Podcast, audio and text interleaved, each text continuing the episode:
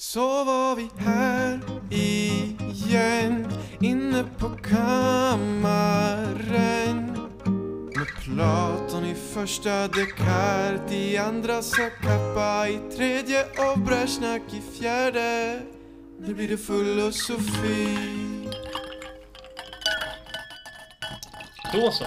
Till eh, min presentation av eh, min livsfilosofi så tänkte jag att vi dricker ett eh, finskt eh, svart vinbärsvin som heter Aurora. Och då vill jag gärna att Max drar sin rant över svenska fruktviner snabbt.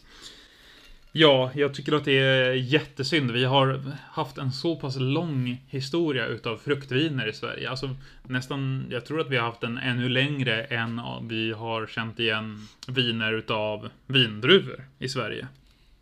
Eh, för att liksom, det är det vi har haft tillgängligt här. Vi på vikingatiden kunde vi ha mjöd och sånt, men honung var dyrt. Medans liksom vinbär, björnbär, allt sånt här var mycket lättare att tillgå. Men vad har hänt i Sverige? Jo, sedan eh, eh, liksom i princip förbudsperioden när staten köpte upp allting och man införde Systembolaget. Vad gjorde man med alla gamla vin eh, eh bryggarställen som gjorde vin på fruk liksom frukter? Jo, de, de sålde bort dem, eller de, eller de sålde inte ens dem, de la ner dem. Det svenska vin, eh, liksom fruktvinshistorien lever kvar genom Finland eftersom att vi var liksom ett och samma land så pass länge. Mycket längre än Finland varit självständigt eller någonting annat. Så då tar vi ett sniff på det här isfyllda vinet. Så det här är kanske hur man en gång kunde få njuta av här, men som bara Finland var vettig att behålla. Då skålar vi för Huvudsuomi. Ja, du har en lite speciell relation till Finland, eller hur? Ja, min flickvän är finsk.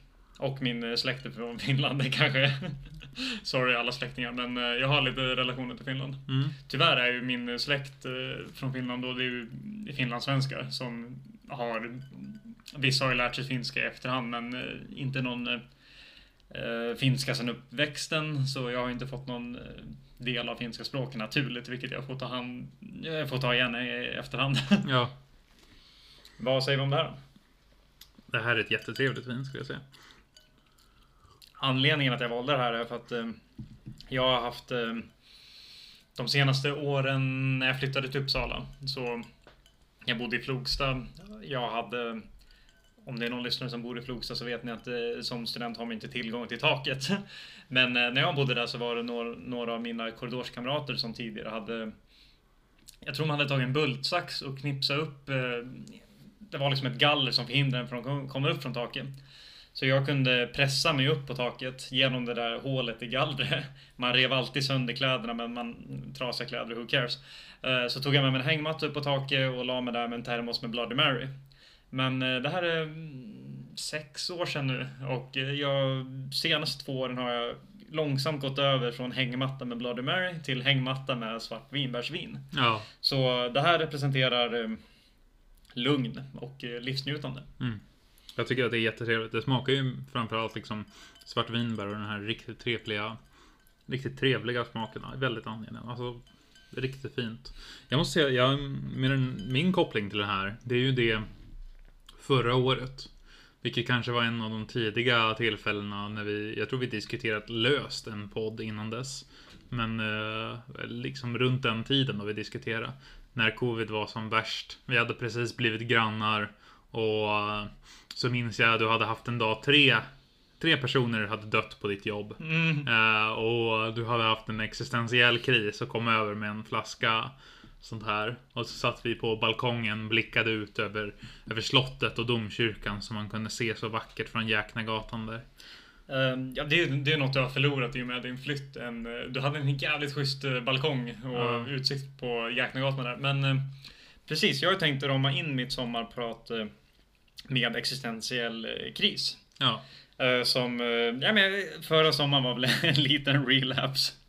Men i alla fall, jag vet att vi har pratat om det förut, men något jag slogs av som du sa i slutet av ditt prat, eller i mitten, eller vad det nu var, att precis som dig så kommer jag in på det här filosofi, kritiskt tänkande överhuvudtaget från religionskritiken. Att eh, som ung påg, ung pojke börjar man med och religionstimmarna i skolan argumentera, man har läst Dawkins, man eh, vet att Bibeln kanske inte är 100% sann. Där började mitt... eh, Där var fröet till mitt filosofiska intresse. Ehm, det som eh, man i efterhand, tycker jag i alla fall, kommer underfund med, med eh, till exempel Dawkins kritik av religion. Det är att Dawkins, han är ju väldigt filosofiskt begränsad. För det enda han bygger sin verklighetsuppfattning på är att det inte finns en gud och allt annat är sant. Han bygger den framförallt på en väldigt empirisk grund och skulle väldigt inte- svag filosofisk grund. Jag skulle inte ens säga att den är empirisk, för han... eh, Han utgår ju från den här idén av en identitet och en person som fanns när vetenskapen slog igenom kanske på 1700-talet. Mm. Han eh, har inte tagit del av de senaste rönen, men i alla fall. Vi ska rama in mitt prat med en existentiell kris och börja där. Och eh, den har jag pratat om i Dödarnas nytta också tror jag. Men eh, den kom sig på eh, slutet av ett arbetspass för 2018 måste det ha varit. Början av 2018, så det blir tre år sedan. Eh, I alla fall, då hade vi... eh, Jag kommer inte exakt ihåg anledningen, men jag, någon, hade, någon boende hade dött på, jag jobbar på ett äldreboende då. Eh, Någon hade dött och eh, för första gången insåg jag väldigt tydligt, jag kommer ihåg att tankarna gick så fort. Eh, De här kom i efterföljd inom kanske en kvart. Att jag insåg först bara Ja men nu ska inte jag bryta någon tystnadsplikt så person X, han dog. Okej. Sen insåg jag, men vänta. Jag kommer dö. Det är första gången jag verkligen accepterade att jag kommer dö. Och så stannade jag upp, jag kommer ihåg att jag plockade in diskmaskinen. Och så insåg jag att Ja, men jag kommer dö och jag kan inte göra något åt när jag dör. Det är absolut utom min kontroll. Jag kan bli påkörd när jag cyklar hem. Jag kan få en hjärtinfarkt när jag är 50. Okej, och så stannade jag upp ett tag till och sen kom tanken Nej men vänta. Jag kan inte pausa det här. Tiden bara löper vidare och jag kan inte göra absolut någonting åt det här. Eh, och så insåg jag att hur vet jag att det här är sant? Nej, men vem vet? Jag vet inte när någonting kommer hända. Och sen kommer den här tanken att ingen annan vet heller. Absolut alla människor som finns, alla människor som någonsin har funnits, alla bara höftar. Alla föds in i en värld och påverkar av världen. Så kör de vidare på det. Så där, där gick jag runt hela sommaren. Eh, det, det var på våren, det fortlöpte under året. Och det var ett år när jag reste väldigt mycket. Jag var i Tjernobyl, jag var i Iran, jag var i Turkmenistan, jag var i Nordkorea. Och mm, olika platser, man får olika intryck, men alltid var de här tankarna på döden i bakgrunden. Och oundvikligheten av det. Och eh, en tanke som slog mig väldigt tidigt som eh, jag inte har eh, lyckats hitta hos någon filosof förrän väldigt nyligen, vilket jag återkommer till, är den här tanken att när jag har suttit med gamla människor via jobbet då, när de dör, så efteråt brukar eh, man lite tröstande prata med anhöriga och sådär att eh, ja, men det var ett bra liv. Och så brukar man ha idéer om vad ett bra liv innefattar. Att man hade en familj man älskar, man eh, hade sett världen, man hade varit produktiv i sitt arbete. Jada, jada, jada. Men det jag kom på i min kris här var att jag personligen kommer aldrig kunna sammanfatta mitt liv. När jag ramlar ihop i hjärtinfarkt eller när jag blir påkörd, då tar det slut. Jag kommer själv aldrig få en paus och tänka, var mitt liv värt det? Var mina relationer värt det? Var mina åtaganden värt det? Utan jag kommer aldrig få en, ett sammanfattande perspektiv på mitt liv. Jag kan här och nu sitta och säga att livet fram till nu har varit bra. Men i livet som sin helhet är en omöjlighet för mig som individ och eh, sammanfatta. Och eh, när jag gick i, Eh, som eh, en ungdom gör för 2018 skulle jag fortfarande anse att jag var en ungdom. Så tar man till Flashback och Reddit och skriver eh, edgy trådar. Och jag försökte driva den här tesen att jag kommer aldrig kunna sammanfatta det här. Men jag tror inte det var någon, oavsett om jag var på en amerikansk filosofforum eller vad som helst, det var ingen som nappade på min idé att utan alla köpte att det finns ett objektivt bra liv. För individen i sig subjektivt, om, det, om du förstår vad jag menar. Vad brukade de säga när de sa att det fanns ett objektivt bra liv? Eh, nej, de brukade bara... Var det nyttomaximering? Var det nöjesmaximering? Var det liksom att man skulle... eh, Det, det var olika svar, utan det var bara ett hårt nedslag på idén att jag personligen aldrig kommer kunna Det var som någon...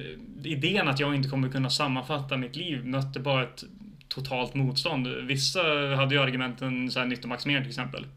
Men eh, själva idén att jag subjektivt inte kommer kunna, kunna sammanfatta det. För idén jag hade var ju eftersom jag har sett på jobbet folk som dör. Att eh, när jag ligger på min dödsbädd. Så som du sa i ditt prat. Att det är ju bara nuet som finns. Mm. Så även fast min näst sista tanke. Eller min sista tanke är. Men jävlar vad bra mitt liv har varit sammanfattat. Mm. Så spelar ju inte det någon roll. För i nästa stund dör min del av hjärnan som sköter minnena. Mm. Och då är det glömt. Så det är ju bara nuet som existerar. Och därav så kan ju jag aldrig sammanfatta mitt liv och punkt. Vi, vi, har, eh, vi hade en eh, instruktion på jobbet för hur vi skulle, när det kallas att sitta vakna, du sitter med någon som ska dö. Hur man skötte det utifrån vissa religioner.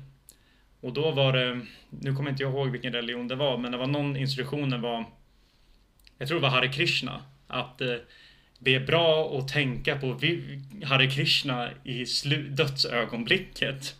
Och jag tyckte det var en så absurd diskussion att man ska gå fram till någon som kanske lägger palliativt i en vecka när man märker att nu tar det slut och säga Ska du tänka lite på Hare Krishna? det, det, det, eh, och på samma sätt vore det absurt att gå fram till någon som är i slutet av livet och säga Ska du sammanfatta det här och tycka att det var bra eller dåligt nu? Det är något som är omöjligt. Men jag har i alla fall utifrån den här krisen eh, som då är tre år gammal utvecklat eh, en livsfilosofi som jag fint har illustrerat med en upp och nervänd triangel som inte alls behöver vara upp och nedvänd utan den kunde lika gärna vara vänd åt vilket håll som helst. Vi ser till att lägga upp den på sociala medier sen. Ni kan få den signerad när vi öppnar vårt Patreon-konto. Så Ja. skickas den ut för eh, 10 kronor i månaden. Signerad gamla, så här, eh, gamla ark från eh, hur vi skulle lägga upp eh, varje avsnitt. De här eh, schemaarken. Och om man ger väldigt mycket får man original. Ja, ja okej, du tänker att vi bara stryker ut nya. Jag tänkte att vi bara gör oss av med vårt skräp. Jag är väldigt optimistisk. Som jag nämnde så mm, började mitt filosofiska tänkande med den här religionskritiken och Dawkins. Men det var ju som en reaktion på det man fick höra på religionslektionerna. Och på samma sätt har jag aldrig... Jag har hittat de filosofer som passar de idéer jag får upp i huvudet. Alltså inte exakt men till exempel då när jag upptäcker att eh, jag kommer aldrig kunna sammanfatta mitt liv. Mitt, lev, mitt liv är säkert meningslöst eftersom den här vi har en idé i samhället om att du ska vara produktiv. Du ska kunna ha eh, saker du har gjort på kontot. Du ska ha rest och du ska ha en familj och sådär. Som du inte kan ka- kassera ut när du dör och liksom få ett kvitto på att du har ett bra liv. Och då kommer man ju till den naturliga slutsatsen att eh, ja, men livet är meningslöst. Så Man då, kan ingenting ta med sig när man går. Precis. Eh, pyramiden har ju inte Tutankhamon med sig utan han är ju icke-existerande. Som jag nämnde i döden avsnittet. Som eh, jag tror judarna som säger. Eh, Särken har inga fickor. Det är väldigt eh, passande. Men då googlar man ju och... oh, life is meaningless, what's the point? Efter den här existentiella krisen då så, som jag sa, så kommer vi fram till att folk bara höftar. Alla höftar, ingen har någon större aning. Så botten av den här pyramiden jag har ritat, där står det Jag har ingen jävla aning. Och där är det underförstått att ingen annan heller har någon jävla aning. Eh, ett citat som jag tyckte var väldigt passande som jag hittade i en bok ehm, jag läste, jag tror jag nämnde den i en avsnitt. Den heter Mumin och eh, existensens gåta. Nej, Mumin och tillvarons gåta. Eh, där de tolkar Mumin utifrån Kierkegaard och Sartre. Men då är det i alla fall, jag kommer inte ihåg om det är en Hattifnatt eller någon av Tove Janssons fantasifoster som säger att ehm, allting är mycket osäkert. Och det är just det som lugnar mig. Och någonstans där eh, var ebbade min lilla fina existentiella kris ut när jag insåg att alla höftar, ingen har en aning, alla kommer dö, jag kommer dö. Okej, det är osäkert, jag vet inte vad som pågår och det är okej. Mm. Men när eh, så det är där jag bygger grunden av min pyramid som mina andra på något sätt baseras från att jag har ingen aning vad som pågår. Jag vet inte varför Max och, sitter, Max och jag sitter där. Jag vet inte varför vi existerar, jag vet inte vad verkligheten är, jag vet inte om det finns abstrakta objekt eller inte. Eh, men det jag är rätt övertygad om är att jag kommer dö. Och eh, när man inser det så googlar man ju på att eh, livet är meningslöst. Och då kommer du till Schopenhauer. För han är mest, han är en favorit på Reddit när det gäller edgy folk som eh, tycker att livet är meningslöst. Och han menar i alla fall att eh, livet är, eh, som vi sa i godhet och ondska avsnittet, att eh, livet är något negativt, att födseln i sig är negativt. Han är en antinatalist på så sätt att eh, han anser att födseln är negativ, men han eh, tycker inte att eh, barn, att skaffa barn i sig är negativt. Men som du nämnde Kant i sin metafysik så Schopenhauer grundar sin på att eh, att uppfatta tid och rum är något som är programmerat i oss. Schopenhauer är också mm, mycket bråk med Kant. Eh, Nietzsche, som eh, är kanske den som hatat Kant av, mest av alla. Är det, det är ju största anledningen varför han... Han är i princip den enda som tar Schopenhauer på allvar. Utav de så stora filosoferna historiskt. Eh, men eh, han tar Schopenhauer på allvar genom att skriva om i princip allting Schopenhauer stod för. Exactly. Och det vi kommer från eh, men det han delar med Kant är att han båda anser att du kan inte lita på tid och rum för det är något vi är programmerade till att tro på. Ehm, och han drar det här vidare till och med att bakom tid och rum finns eh, Bakom fasaden finns ren vilja och att viljan är riktningslös, den har ingen mening, därför är meningen med livet meningslöst. Så jag, eh, när jag kom fram när jag kom fram till Schopenhauer så köpte jag på antikvariat Röda rummen nere i Uppsala en eh, jag tror ett utdrag ur hans bok eh, Världen som vilja och föreställning som heter Om döden och odödliga. Hans magnum opus. Precis. Och, och, den boken hade jag med mig när jag var överallt och reste. Jag har suttit vid dödens portar i Turkmenistan och läst Schopenhauer in på småtimmarna. Eh, han skriver väldigt trevligt, men som vi sa tidigare, han är influerad av buddhism och österländsk filosofi och om man inte köper hans metafysik, eh, metafysik på en gång så blir hans idé om viljan lite svårköpt, men det är kul att läsa oavsett. Eh, men eh, från Schopenhauer och Reddit är det naturligt att komma in på antinatalismen.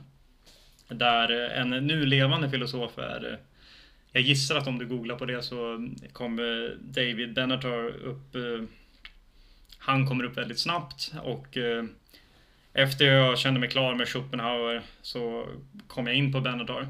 Och han... Tyvärr är ju han förknippad. Han kommer, förekommer i mycket artiklar tillsammans med Sam Harris. Oh. Ja, den är beklaglig. Precis, eh, så jag... För de som inte vet så Sam Harris är en utav Richard Dawkins som vi har nämnt tidigare. De är kända som eh, The Four Horsemen of the Anti-Apocalypse. Mm. Alltså de är eh, anti-religions... De är religionskritiker och tillsammans med eh, Dawkins, Sam Harris, eh, Hitchens, mm. eh, Christopher Hitchens och Daniel Dennett. Daniel Dennett, precis. Eh, men av de här så är ju Sam Harris den som har gått mest av the deep end. Han brukar umgås med så här Alltså nästan neonazister, alltså Jordan Peterson-typer. Jordan Peterson förresten, eh, någonting vi kanske kan återkomma till i säsong två. Varför för, han är fel. För jag skulle inte kalla, inte för att det är någon skillnad mellan det, men jag skulle inte kalla um, Peterson för en ny nazist. Utan jag skulle kalla honom dum i huvudet. Men ja. du kan vara både och samtidigt. Ja, alltså han fraterniserar sig med dem. Ja, precis. Men eh, i alla fall från eh, Benatar så kom jag då in på en antinatalism för jag kände om eh, jag inte kan sammanfatta mitt liv och livet är meningslöst, varför födas från början? Um, och det Benatar ställer upp då som antinatalismen är fyra idéer. Han försöker ha det här som en logisk följd.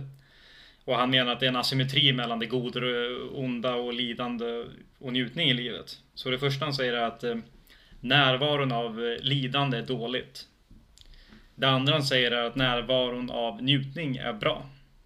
Det tredje han säger är att eh, frånvaron av smärta är bra.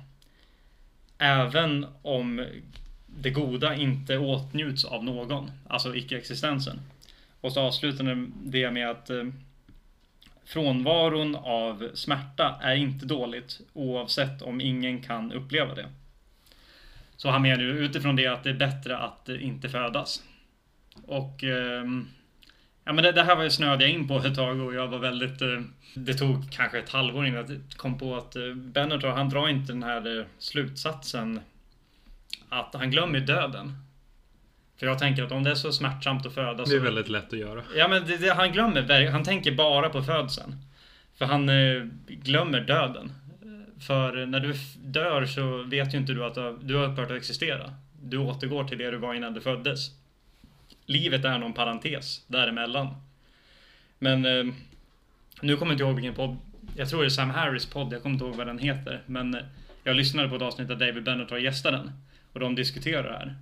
Och båda glömmer bort döden i två timmar och det är så frustrerande. Men eh, när du ser den här luckan i Benatar så blir hans eh, filosofi väldigt eh, ohållbar. Um, men eh, nu har vi kommit fram till min andra steg då här i pyramiden som jag kallar döden, döden, döden. För att citera Astrid Lindgren. För tydligen när hon var på ålderns höst så när hon ringde till sin syster tror jag det var. Så båda var väldigt gamla. Så de började alltid samtalet med att säga döden, döden, döden. För att de skulle säga det som var viktigt snabbt. och inte börja fråga om väder och grejer. Men så i min eh, pyramid av livsfilosofi så har jag först, jag har ingen jävla aning, följt av döden. Och när man har kommit in på Schopenhauer och när man har kommit in på Benatar. Din upp och nervända. Eh, Ja, på bilden, pyramid. men det, det är irrelevant. Gravitationen är en illusion och blablabla. Eh, Men när du har kommit in på Schopenhauer och Benatar så kommer du förr eller senare in på den bästa författaren av alla tider. Ernest Becker. Som vi pratade om i Döden-avsnittet. Att han eh, menar då att, eh, lite som Max pratar om, att du vill bli ihågkommen. Att det är eh, strävan efter det heroiska. Att du vill undfly döden genom att uppnå en evighet efter döden. Och det kan du göra genom något religiöst där du faktiskt tror att du har ett efterliv. Eller genom att eh, skriva en bok och bli ihågkommen. Eller att ha barn och leva, tänka dig att du lever vidare genom dem. Eh, och eh, hans bok The Denial of Death var ju frö till, som vi pratade om, Terror Management Theory. Där du tänker att eh, döden influerar kultur. Äh, kultur är ett resultat av dödsförnekelsen. Så där har vi... Ehm, där har vi andra steget då. Jag, jag känner att jag borde ha spelat in det först för max 8% öl gjorde min struktur väldigt flummig. Eh, Men i alla fall då, när, du har, när jag gått igenom uh, Schopenhauer, Bennett har kommit fram till Becker. Så eh, jag tyckte hans eh, bok, den makade mycket sens. Döden influerar oss väldigt mycket. Men när har kommit fram till att döden influerar mycket så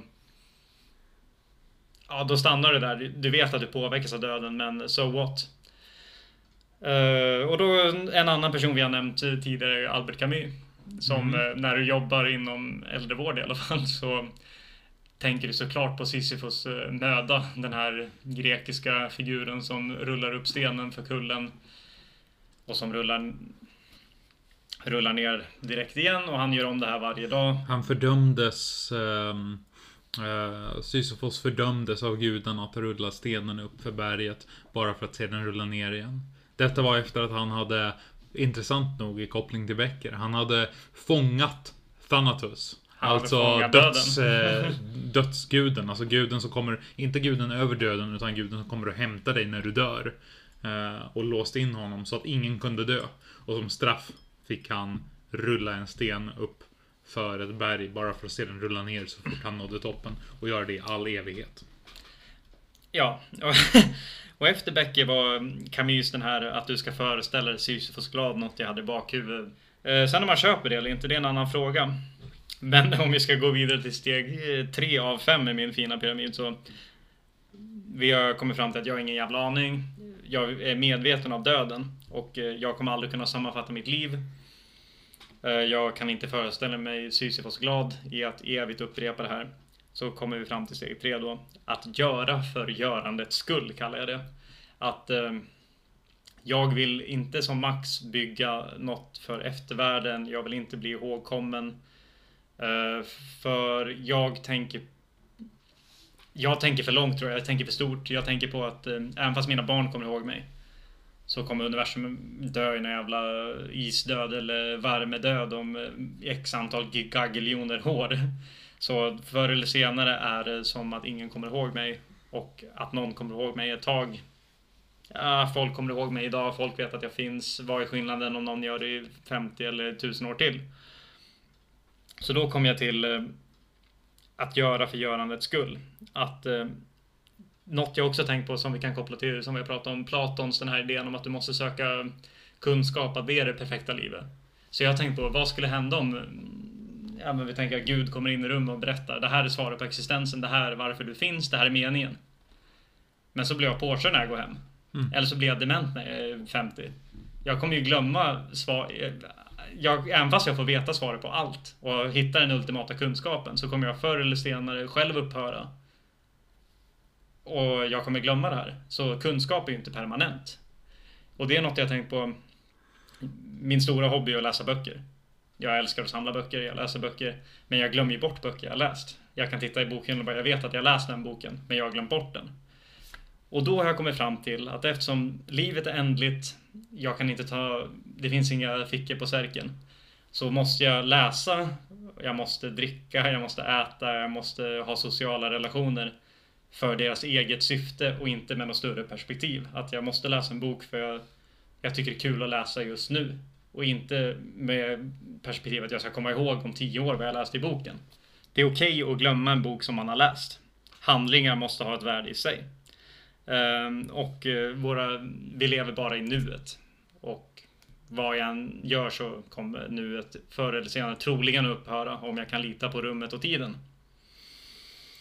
Ehm, och en författare då som vi kommer in på nu som har skrivit om det här, det som jag pratade om i något tidigare avsnitt. Jag undrar om det var, jag tror det var Guds avsnitt. Eh, Martin Hägglund som är en svensk filosof som är verksam i USA på Yale universitetet tror jag. Eh, han skrev just eh, i sin bok eh, Vårt enda liv. Den här meningen jag har längtat efter att läsa, att man kan inte sammanfatta sitt liv. Och jag läste den i somras och blev så här, wow. Jag tog hela hans bok så extremt seriöst bara för att han, någon äntligen snappar upp på inte för att han har fått inspiration av mig, men att någon har samma tanke. Att bara, äntligen någon säger att du inte kan sammanfatta ditt liv och det finns inget bra liv.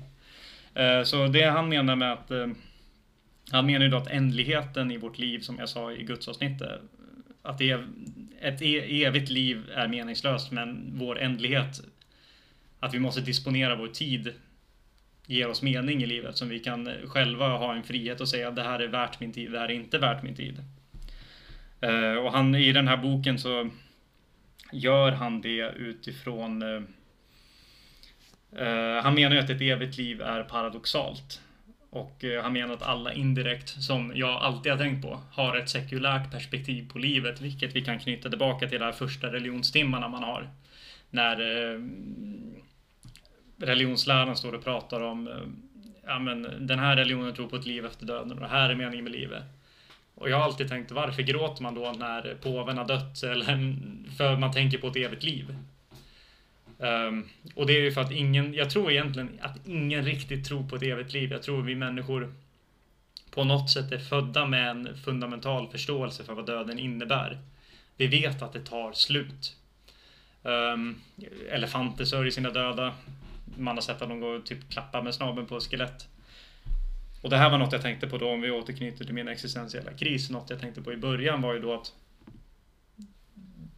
och som du sa, så att Nietzsche har pratat om, det här eviga återkommandet, mm. kanske att universum är cykliskt. Och det finns, eh, som jag nämnde i något avsnitt också, Roger Penrose, han som vann Nobelpriset i fysik förra eller förra, förra året. Han har en idé om ett cykliskt universum där varje Big Bang efter viss tid ger upphov till ett nytt Big Bang. Men eh, jag tänker att evi, om jag efter döden inträder i evigheten eller ett evigt återfödande så är det ändå slutet för Frank. Om det här är en version av Frank som återupprepas i evigheten så vet ju han ändå inte om det. Ja, det där är en tanke jag tänkte när vi diskuterade det här i avsnitt, vårt avsnitt om döden. Mm. Just om det evigt återkommande. att döden är visst logiskt, trots att man är evigt återkommande. För som du säger, det är slutet för Frank. Precis som att när Macbeth dör. Så bara för att någon spelar Macbeth igen, konstant åter och åter och åter igen som en pjäs. Så dör ju Macbeth i slutet av pjäsen. Precis, och även om jag inte är en så här mm, Schopenhauer också inne som han, som jag sa, han var influerad av österländsk filosofi. Eh, han tänker ju reinkarnation och sådana grejer, eller ett cykliskt universum också. Även om jag återföds som en groda, om jag upprepas som Frank, eller om jag inträder i en evig Kristi himmel, så kommer ju för vi alla lever som en idé att vi är ändliga, vare sig vad vi tänker egentligen, vad, vilket koncept vi har i huvudet eller inte. Även fast jag tror på en evig Kristi himmel så lever jag idag för att upprätthålla mitt liv. Jag äter mat, jag sover för att jag vill fortsätta leva och sen dör jag. Men om jag inträder i himlen eller återföds som en groda så upphör den version av Frank som lever som jag gör nu. Alltså kommer det inte vara jag som kommer in i himlen. För då har min identitet fundamentalt förändrats eftersom jag då inte behöver å, äh, återuppehålla min existens genom basic shit som att äta. Och det är det Hägglund pratar om i sin bok då väldigt mycket som äh, jag tror man skulle kunna bestämma boken som existentiell marxism. Mm. För han börjar, hela idén är om en andlig sekularitet. Och han börjar det eh, utifrån döden och eh, att vi bara kan ha mening i det ändliga. Att eh, om jag ska kunna älska någon så måste jag i bakhuvudet vara medveten om att jag alltid kan förlora den personen. För annars, eh, om jag från början vet att eh, relationen är evig så kommer inte jag behöva göra några handlingar för att upprätthålla den relationen. Mm. Uh, och han går ju vidare då i andra halvan av den här boken till att applicera det på vårt kapitalistiska samhälle utifrån tolkningar av Hegel och Marx. Eh, och det han landar i som jag håller med i och det var därför jag kände wow när jag läste den här boken. Är just att du måste göra handlingar för att de har ett värde i sig. Och att Eh, eh det som är, som jag alltid argumenterar på eh, arbetsraster, eh, kafferaster, att det är den fria tiden som har ett värde och inte som vårt samhälle som värdesätter arbetstimmar. Att i ett svenskt samhälle är den arbetslösa den fattigaste medan den som jobbar väldigt mycket eller har väldigt mycket dött arbetskraft på sitt konto som mm. Eh, någon som har väldigt mycket pengar på sitt konto. Det är de som är rika i Sverige och inte den arbetslöse. Men det Hägglund menar att i ett eh, annat samhälle skulle du tänka att den arbetslöse är den rike. Vilket var, har varit en föreställning i flera, väldigt många år. Till exempel eh, någon vi läste om i skolan, den här Richard Keynes. Ja. Richard M. Keynes. Mm. Du den, tänker uh, grundaren till keynesianska ekonomin. Precis, den här, Som är liksom social, moderna socialdemokratins grund för ekonomi. Precis, han sa ju för hundra år sedan att målet med kapitalismen är att ak ackumulera så mycket värde att vi kan vara lediga. Mm. att om hundra år kommer vi knappt arbeta. Ja, och det är hundra år sedan. Och det, det gick jättebra och vi jobbar, ja, vi jobbar typ mer än vad vi gjorde. Eh, Inte och, riktigt, men alltså vi jobbar, vi jobbar mer än vad vi gjorde för 30 år sedan. Och eh, mycket av jobbet vi gör idag är ju helt värdelöst. Mm. Alltså det fyller noll funktion. Till exempel, in, inte för, eller jag menar jag vill göra med en fiende. Kon, reklamkonsulter är helt värdelösa i ett samhälle. Problemet är ju hela idén om att skapa, behöva skapa jobb. Jobb uppstår ju när att man behöver någon, att någonting görs. Om man måste skapa jobb så är det under en förutsättning av att de inte är behövda. Precis, och det är ju som vårt samhälle på något sätt det är så vårt samhälle frodas. Vi får vårt värde från liksom idén om socialt nödvändig arbetskraft och hur vi utgår från det. Men eh, i alla fall det Hägglund landar i och som jag håller med om är att eh, den socialt fria tiden, inte den tiden jag är ledig mellan jobb där jag måste vila, äta för att orka med nästa jobbdag. Utan den tiden där jag är fri och ägnar mig åt vad jag vill. Det är den man måste värdesätta och planera utifrån kunskapen om att jag kommer dö. Mm. Uh, och sen eh, när vi ändå är inne på punkt göra för görandets skull. Så kan vi då istället för att prata om Hägglund som är uh, någon som uh, Han är modern och han omtolkar både Hegel och Marx. Så kan vi ta en liten utflykt till Marx själv. Och som vi båda upplevt i arbetslivet, att arbete är alienerat. Ja. Mellan mig och mitt jobb står idén om att jag måste tjäna pengar för att ha råd med hyra och mat. Och jag jobbar inte för... När jag jobbar inom äldrevården så tycker jag att jag borde vara där för att ta hand om äldre. Jag vill vara där för att ta hand om äldre. Jag tycker om att ta hand om äldre. Men i bakhuvudet har jag också, jag är här för att jag vill ha råd. Jag vill inte vara hemlös. jag har ingen CSN på sommaren. Eh, och det som, eh, för att citera Marx, som han skrev i grunddragen i kritiken av den politiska ekonomin. Det blir på intet sätt arbetstiden, utan den disponibla tiden som är måttet på vår rikedom. Vilket jag tror är något vi alla förstår i, om inte det var något som alla tänkte på så skulle ingen tjafsa om om man hade sen eller tidig semester på sommaren. Ja. Utan alla värdesätter eh, sin fria tid. Eh, så nu när jag väldigt osammanhängande efter ett glas vin rantat mig igenom eh, jag har ingen jävla aning, döden, döden, döden och görandet för görandets skull så kommer vi vidare till att eh, min person finns bara i den sociala kontexten. Eh, som är punkt fyra då. Och då menar jag att eh, utifrån att jag kommer dö så, och tiden är ändlig så måste jag göra saker som finns för görandets skull. Att de har ett eh, i stund, i nuet känns, har de ett syfte och jag behöver inte tänka på det som Montaigne skrev i sin första bok vi säger att du ska inte ta för dig ett projekt som du inte kan se avslutas. Han eh, skrev om, det var en fransk 1500-tals eh, författare som en av hans essäer var om en han beskriver en historiker som dör och på dödsbädden beklagar han sig att han bara hunnit skriva klart fem delar av sitt tio, tio boksverk. Mm. Och då, Sitt epos. Sitt epos. Och då förlöjligar han honom att ja, men, om du inte var beredd att se det ofullbordat, varför påbörjade du det då? Eh, så man ska göra saker för görandets skull. Mm. Det finns... Um, det finns vackra saker kära vän, som är mer vackra, ofullständiga än när de är för fullständiga. Pam, pam, pam. Eh, från görandet för görandets skull. Så det är också, om vi ska avsluta den punkten rättare sagt, när vi, från Marx och Hägglund, att eh, hela samhället bygger också på det här produktivet, att du är värd något utifrån din arbetstid och att din karriär är på något sätt det du bidrar till samhället. Du måste rättfärdiga att du existerar. Precis, du måste rättfärdiga att du existerar. Du föds orättfärdigad och endast genom att generera samhällelig produkt Precis. så får du till rätten att existera. Men jag tycker det är något som samhället idag glömmer. Det är just att vi har inga fickor på särken när vi dör. Mm. Men i alla fall så kommer jag till punkt fyra då. Att eh, min person finns bara i det sociala.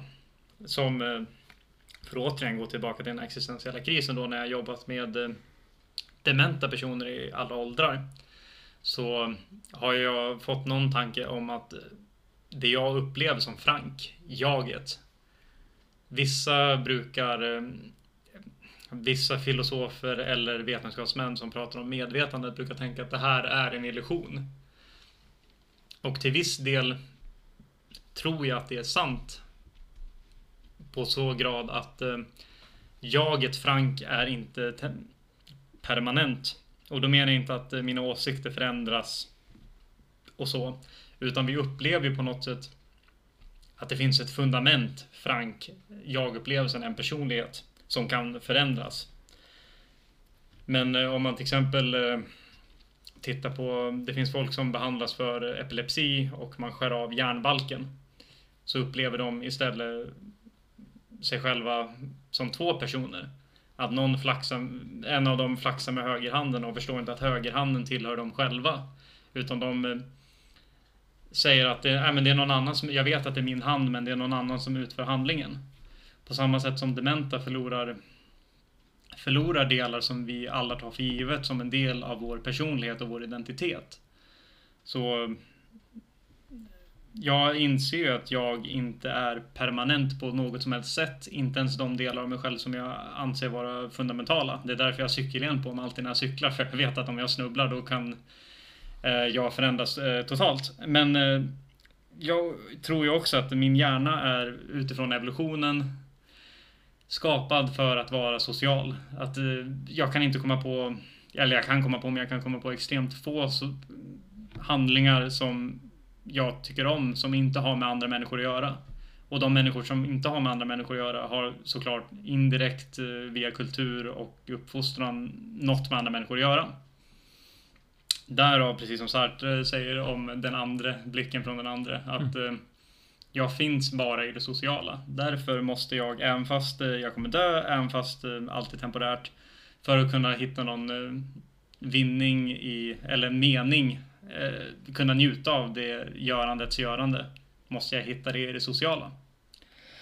Och sen kan vi runda av när vi kommer ner till sista steget, för nu känner jag att jag börjar tappa tråden här, men eh,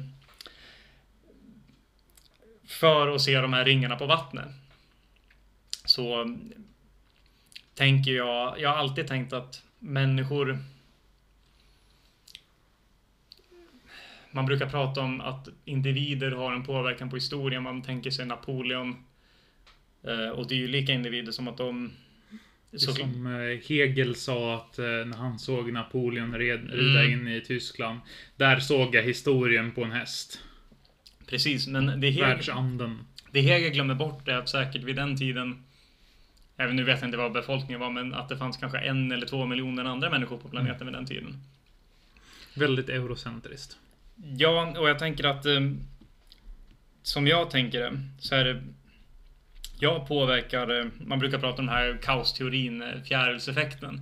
Att en fjäril som flaxar i Brasilien kan skaka, skapa en skogsbrand i Sibirien.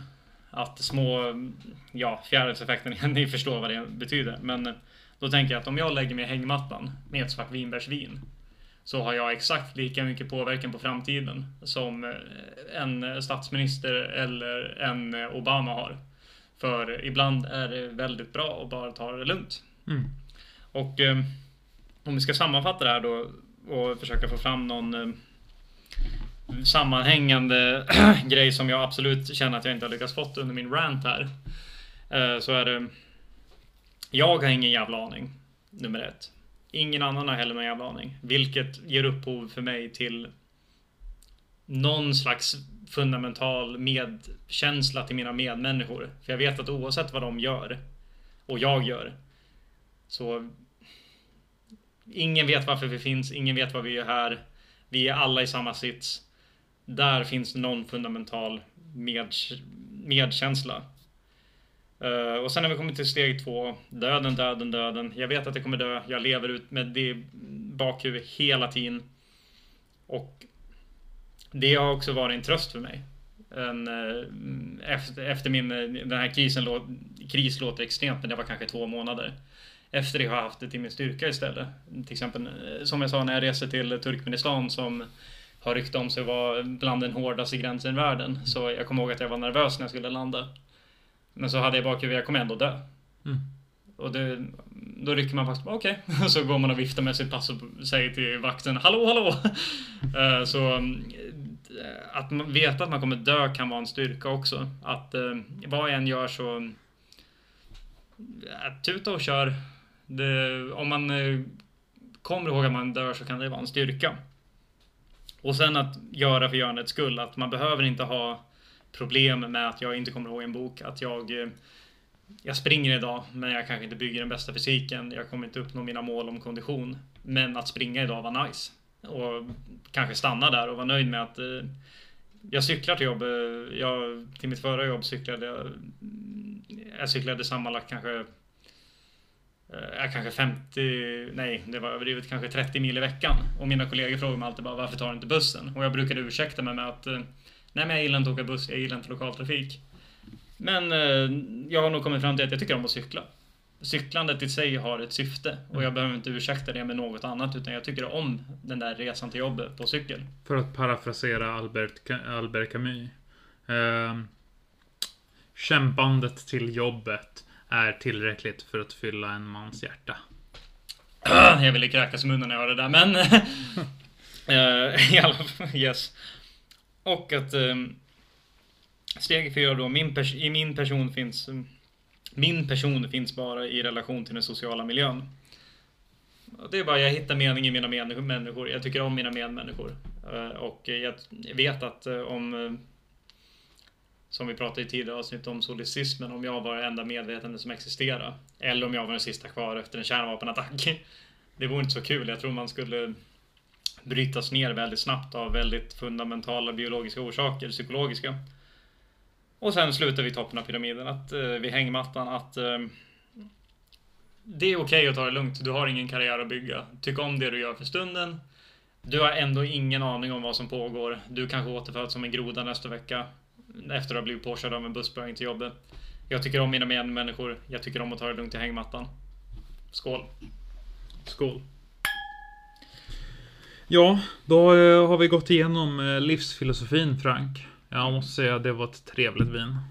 Det var ett trevligt vin. Um, som sagt, jag känner att jag blev osammanhängande efter både öl och vin, men uh, en rant är en rant och en rant ska vara en rant. Eller hur? Jag tycker det var en väldigt värdig rant, uh, faktiskt. Utläggning.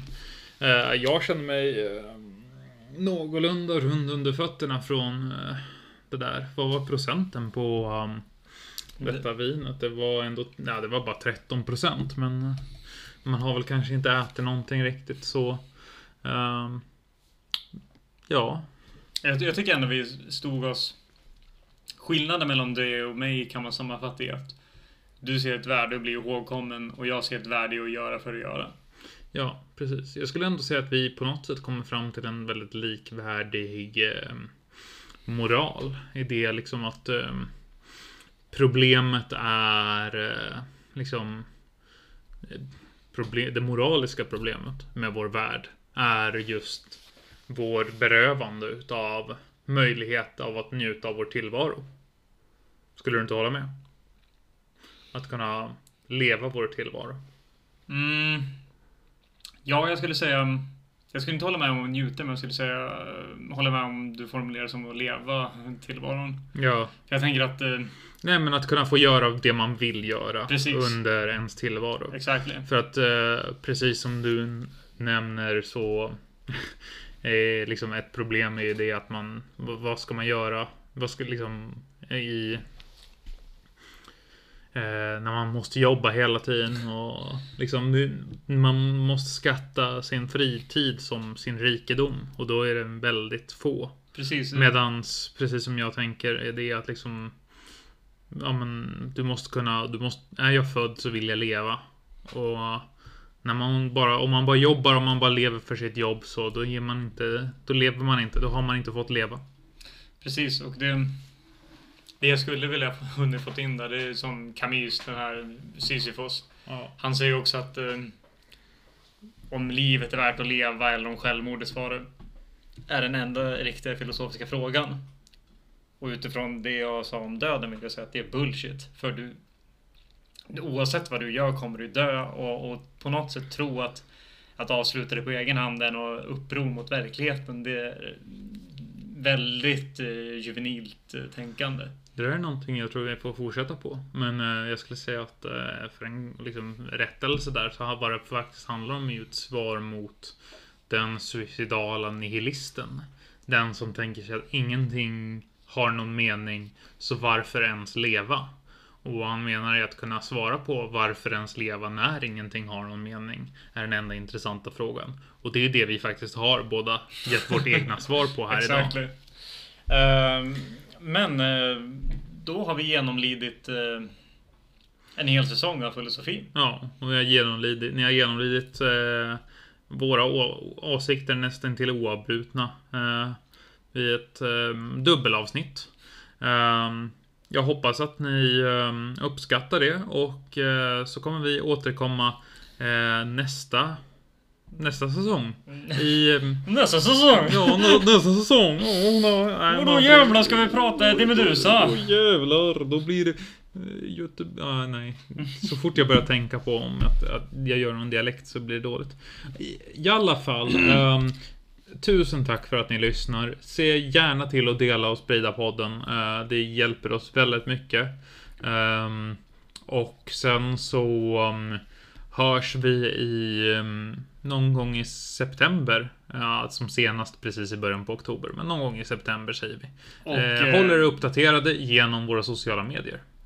Som är? Facebook, Instagram. eh, Mm. Vi finns eh, och podden finns på Spotify, Apple Podcast. Den kommer komma på YouTube och vi finns på Vi finns på Google Podcast också. Google Podcast. Man kan hitta oss på Anchor. Ja, Eh, Vi finns på en väldigt skum spansk poddsida som vi inte har gjort medvetet.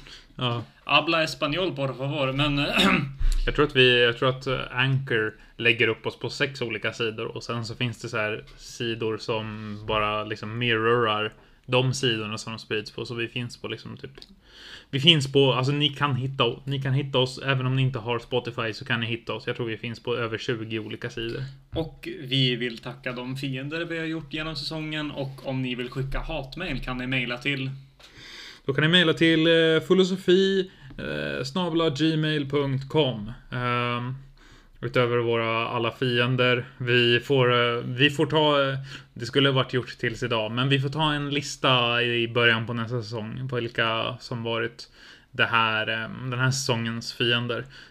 Men utöver er, väldigt tacksam att ni faktiskt fortfarande finns kvar. Eh, så ska vi tacka... Exakt.